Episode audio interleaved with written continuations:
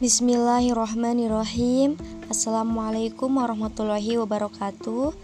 Perkenalkan nama saya Neng Ayu Rahmawati Dari jurusan Bimbingan dan Konseling Islam kelas 6C Saat ini saya akan mempresentasikan hasil dari buku yang telah saya resensi yang berjudul Beginilah Cara Tuhan Menjawab Impianku yang ditulis oleh Ahmad Rifai Rifan yang biasa dipanggil Fai. Dia adalah alumnus di Teknik Mesin ITS Surabaya yang hampir tidak pernah menulis satu judul buku lebih dari satu bulan. Dia bisa menyelesaikan satu buku rata-rata hanya dalam waktu 1-2 minggu saja.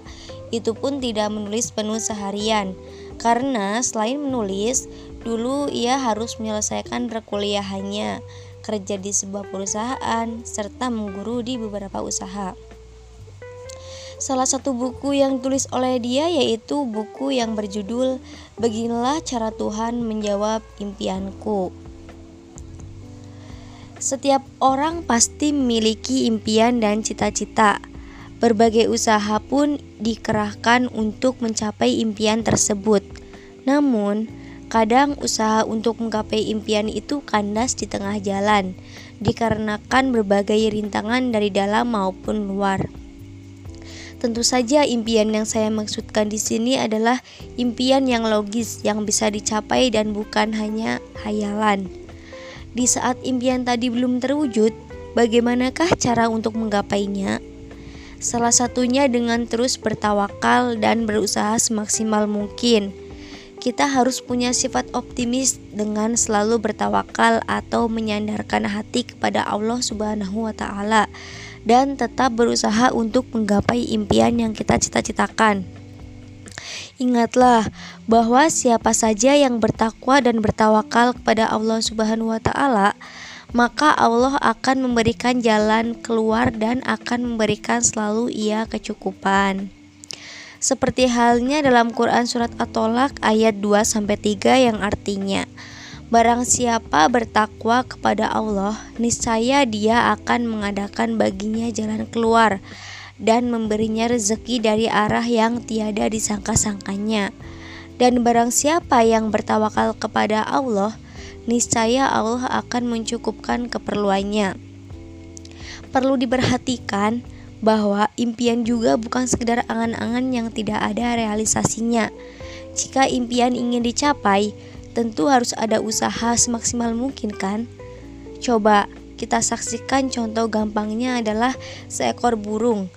Ketika ia ingin menggapai impiannya untuk memperoleh makanan di hari itu, dia pun pergi keluar sarangnya untuk mencari kebutuhan yang ia butuhkan. Ketika pulang pun ia dalam keadaan tenang. Lihatlah bagaimana seekor burung saja mewujudkan impiannya dengan mencari rezeki, dengan berusaha semaksimal mungkin. Apalagi kita sebagai insan yang diberi anugerah oleh Allah Subhanahu wa taala. Seperti halnya dalam buku yang saya baca yang ditulis oleh Ahmad Rifai Rifan. Bagaimana cara Tuhan menjawab mimpiku? Mimpi. Siapa yang tidak memilikinya?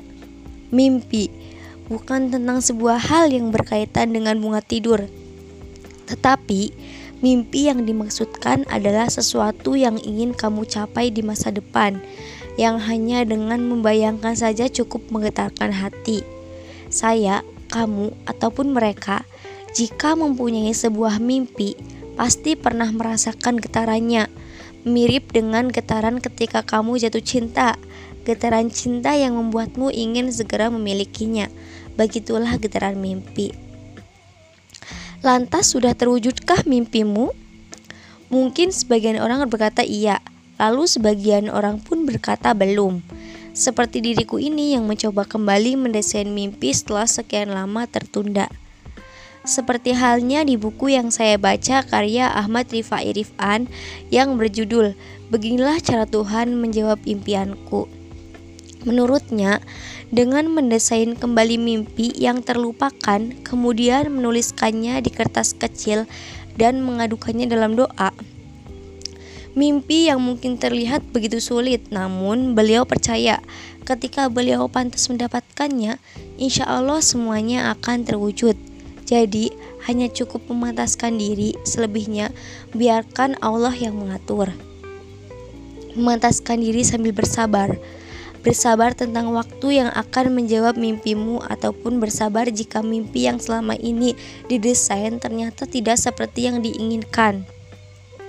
Karena di dunia ini ada beberapa orang yang memiliki mimpi atas keinginannya sendiri dan ada juga yang berdiri di atas mimpi orang lain. Berdiri di atas mimpi orang lain bukan hanya hal yang mudah, tapi juga bukan hal yang mustahil dilakukan.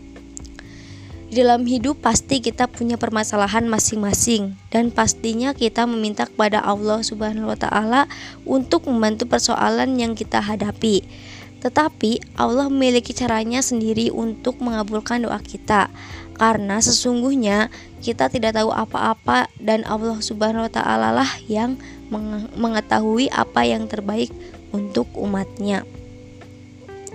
Tentang terkabulnya impian dalam buku Mengapa Hidupku Mudah. Seorang pemuda pernah mengisahkan tentang mudahnya meraih impian-impian. Kisah itu bermula ketika seorang kawan lama datang ke rumah. Tolong beri aku nasihat, mengapa hidupmu mudah? Itulah kalimat yang diungkap oleh kawan lamanya. Berulang kali kawannya menegaskan bahwa ia berulang kali datang ke rumahnya hanya untuk bertanya seperti itu. Ia pun mikir-mikir, mengingat-ingat. Sejak kapan ya hidupnya terasa mudah, mulus, selalu ada aja pertolongan Allah yang datang tak terduga hingga teringat satu hal yakni semenjak ia merutinkan satu amalan dan amalan inilah beliau lakukan setiap hari sejak SMP.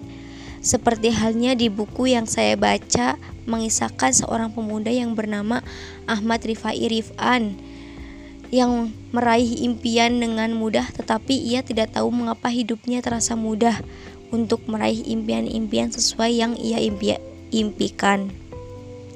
Akhirnya ia pun berpikir, yang membuat hidup terasa mudah, impian selalu tercapai, pertolongan Allah selalu datang di saat yang tepat yaitu karena ia selalu mengamalkan istighfar minimal 100 kali setiap hari.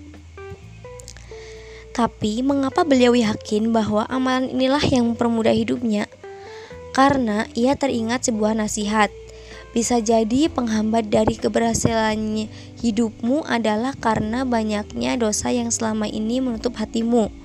Mana mungkin Tuhan mengabulkan doa orang yang tadi cintainya? Maka istighfari dosa, bersihkan jiwa, raihlah cintanya.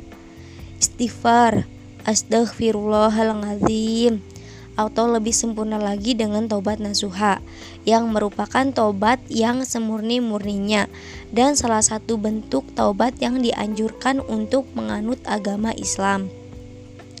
Orang yang mentaubati segala dosanya, menyesali kesalahannya di masa lampau, akan diberi keutamaan yang luar biasa oleh Allah Subhanahu wa taala.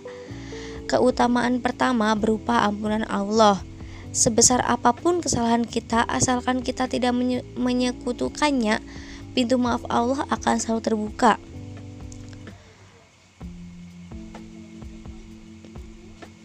Jadi, tetaplah menjaga mimpimu dan dapatkan kepercayaan dari orang sekitarmu, terutama dari orang tuamu, bahwa kamu mampu bertanggung jawab akan mimpi-mimpimu itu. Jalani harimu dan milikilah sebuah mimpi. Tugasmu hanya memantaskan diri, selebihnya Allah yang berkehendak. Maka, ketika kamu memiliki sebuah mimpi, jangan melihat kemampuanmu, tapi lihatlah yang kuasa. Oleh karena itu, buku ini sangat menginspirasi saya untuk meraih impian, karena kunci untuk mewujudkan mimpi adalah berfokus dengan tidak hanya pada kesuksesan, tapi juga maknanya. Maka kemudian bahkan langkah-langkah kecil dan kemenangan kecil di sepanjang jalan yang Anda jalani akan bermakna besar. Mungkin itu dari hasil buku yang saya resensi. Mohon maaf apabila ada kesalahan. Terima kasih atas perhatiannya. Wassalamualaikum warahmatullahi wabarakatuh.